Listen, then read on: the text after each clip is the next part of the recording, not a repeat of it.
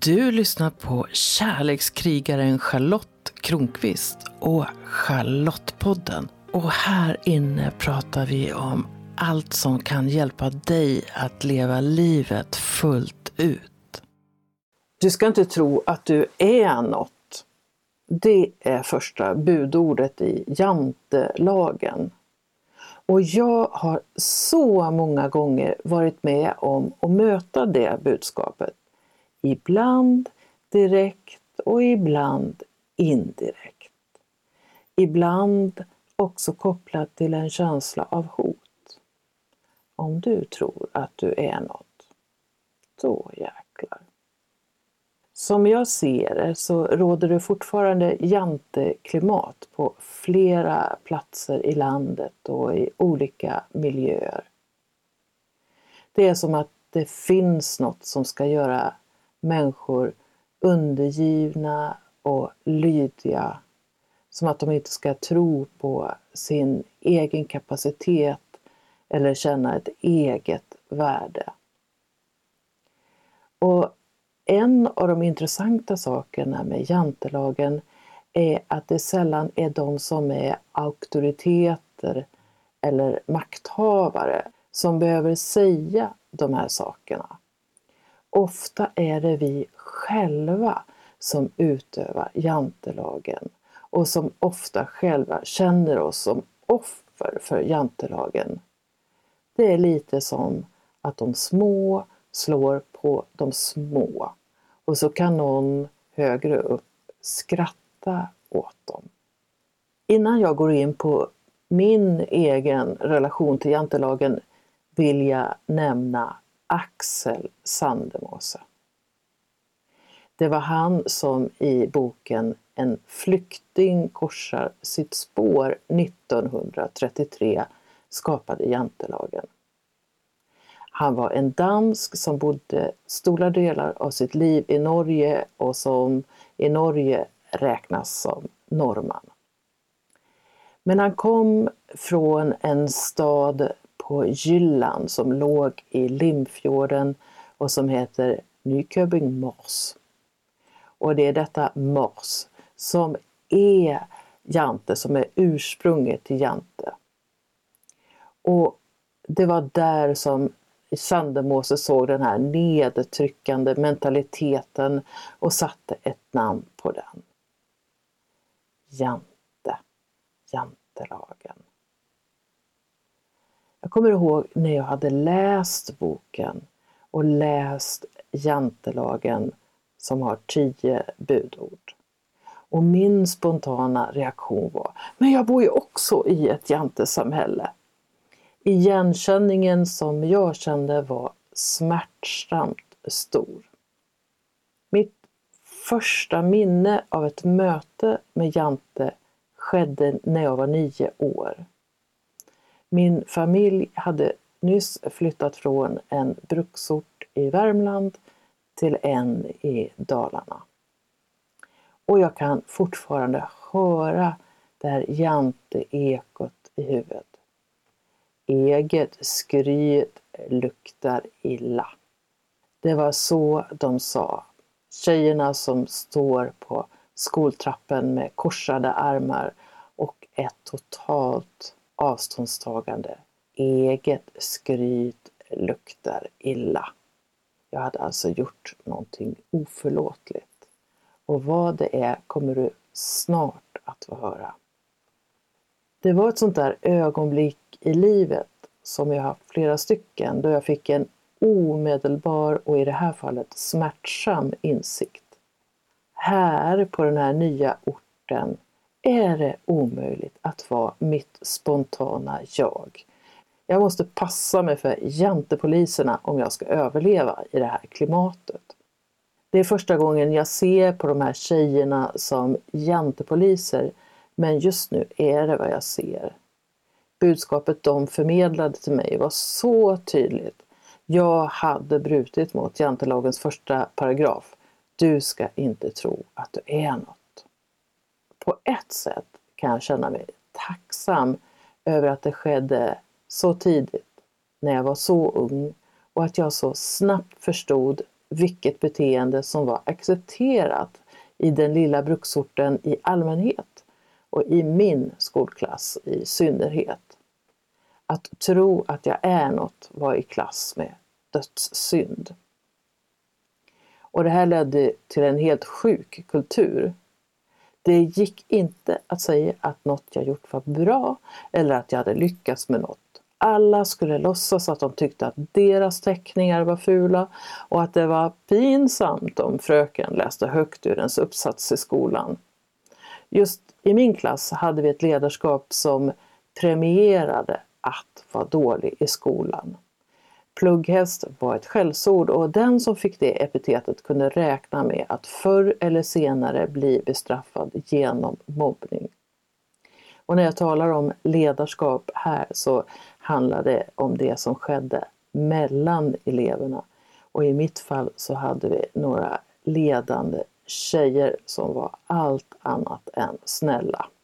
Jag har många gånger funderat på varför jag accepterade de här spelreglerna.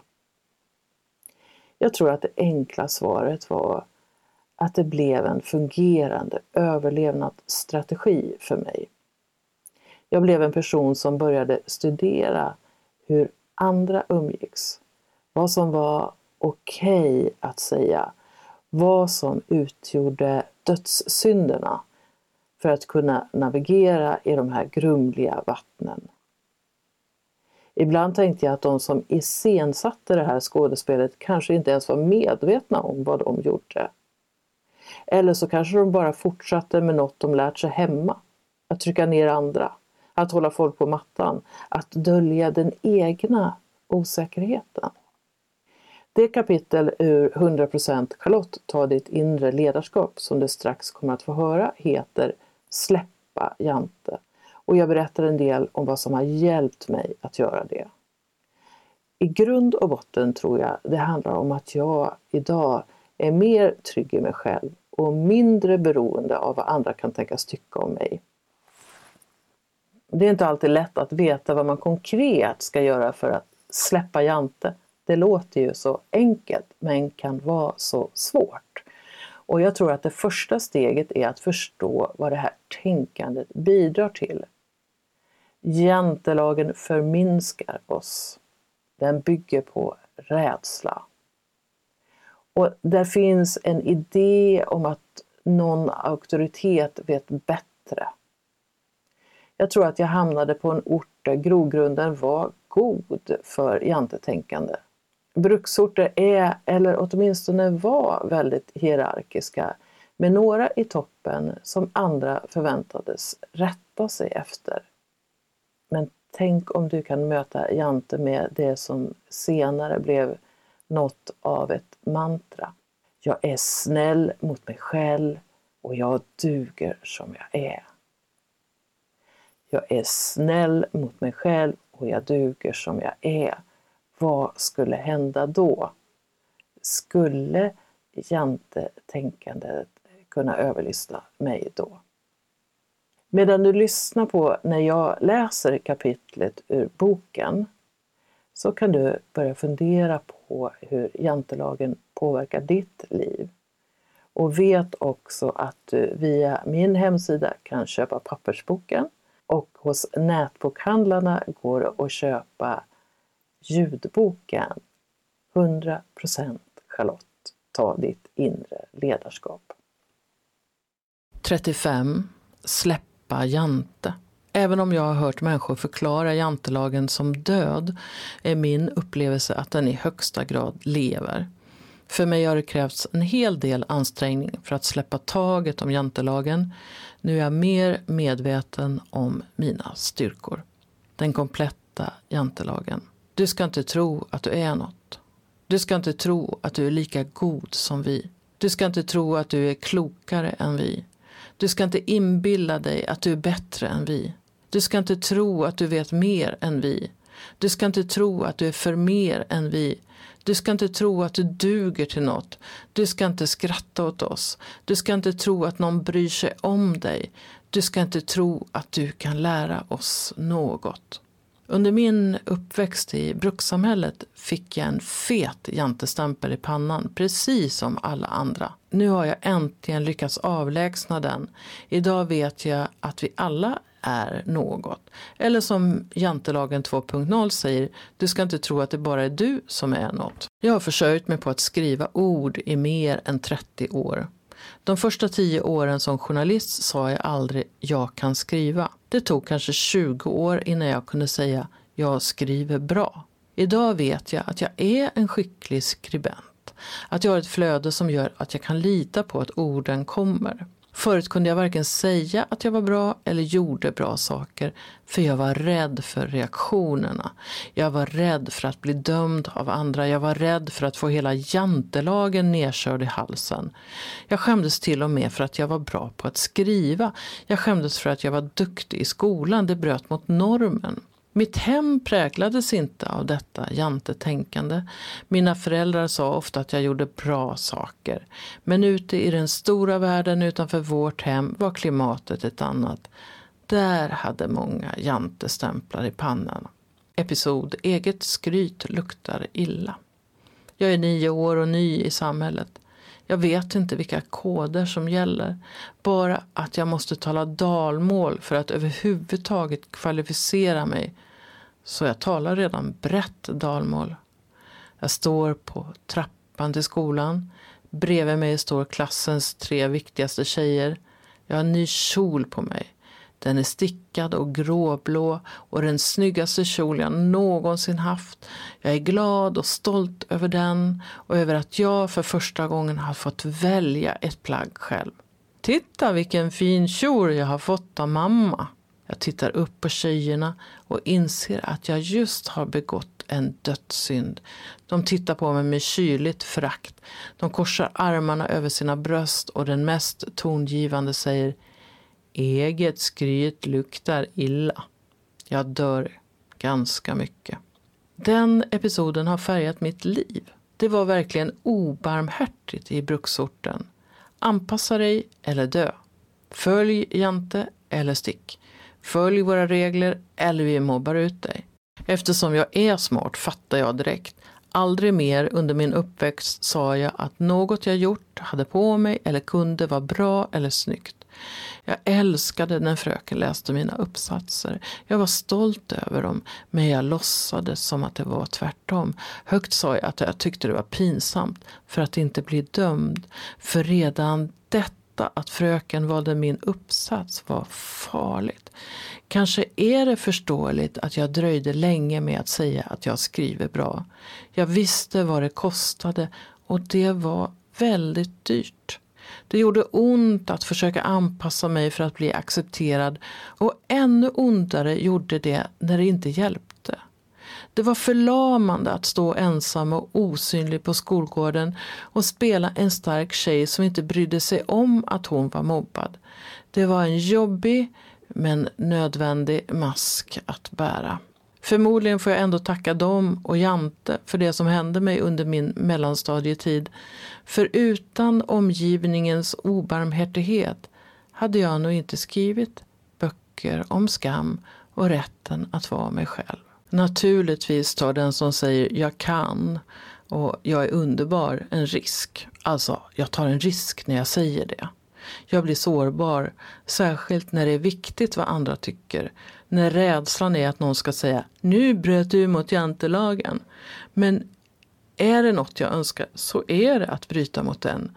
Jag vill se och leva min egen gudomlighet. Jag vill älska allt i mig, även skammen skulden, rädslan och sårbarheten. Din läxa. Bli medveten om i vilken mån du låter jantelagen styra ditt liv. Ja, jag hoppas du vill älska hela dig. Jag hoppas verkligen det. Det är ju ett av skälen till att jag, Charlotte Kronqvist, gör det jag vill och det är ett av skälen till att jag kallar mig för en kärlekskrigare. Jag tror att vi alla har en essentiell kärna i oss och att den är kärlek. Jag vill ju älska hela mig, hela paketet som är jag. Och ibland går det bra och ibland går det sämre. Men jag tror att det verkligen är viktigt att reflektera över det som formar oss. Att bli medveten om det, för med medvetenhet så finns det möjlighet att göra något åt det. Självklart har jag svagheter och styrkor och du har svagheter och styrkor. Vi gör fel och misstag. Men vi gör också en massa bra saker. Det är ju ett av de budskap som jag vill förmedla med 100% Charlotte tar ditt inre ledarskap. Vi kan alla bli vuxna i våra liv, öka förståelsen för oss själva och andra och ta väl grundade beslut som jag ser det så gör det det extra viktigt att åtminstone då och då titta in i oss själva och ibland släppa taget om det som format oss. Ja, jag kan skriva. Ja, jag kan skriva bra. Jag har försörjt mig på mina ord i hela mitt vuxna liv. Och du? Skulle du vilja bli coachad? Vill du befria dig från något? Vill du ta mer av ditt inre ledarskap? Då kan jag vara med på din resa. Det är bara att ta kontakt med mig så kan vi jobba på att du känner att du är 100% du. Vi hörs! Kom ihåg att prenumerera på Charlottepodden så att du är med när nya avsnitt kommer. För vem vet vad du kan få lära dig om livet i det avsnittet. Rekommendera gärna podden till en vän så är du med och sprider vetskap om att den här podden finns och berätta vad den ger just dig. Jag skulle bli så glad om du också går in i din podcast-app och lämnar en kommentar eller skriver en recension av podden. Ju fler som gillar podden öppet, desto fler kommer också att hitta den.